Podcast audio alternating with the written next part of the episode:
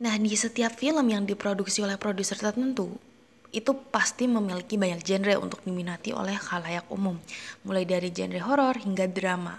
Namun, salah satu genre film yang sering tayang dan diproduksi di bioskop adalah film dokumenter. Nah, film dokumenter ini adalah film yang mendokumentasikan sesuai dengan kenyataan dan fakta. Sehingga dalam film dokumenter itu tidak ada cerita fiktif yang dibuat-buat untuk mendramatisir adegannya. Sebab apa? Sebab film dokumenter digunakan untuk merepresentasikan kenyataan serta menampilkan mengungkapkan kembali fakta yang dibuat lebih terstruktur dalam durasi film tersebut. Selain itu, film dokumenter sering digunakan sebagai media kritik sosial dengan mengambil sisi kehidupan masyarakat miskin atau kesenjangan sosial yang terjadi dalam suatu negara.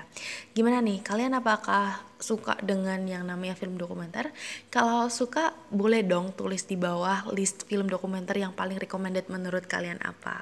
Oke? Okay?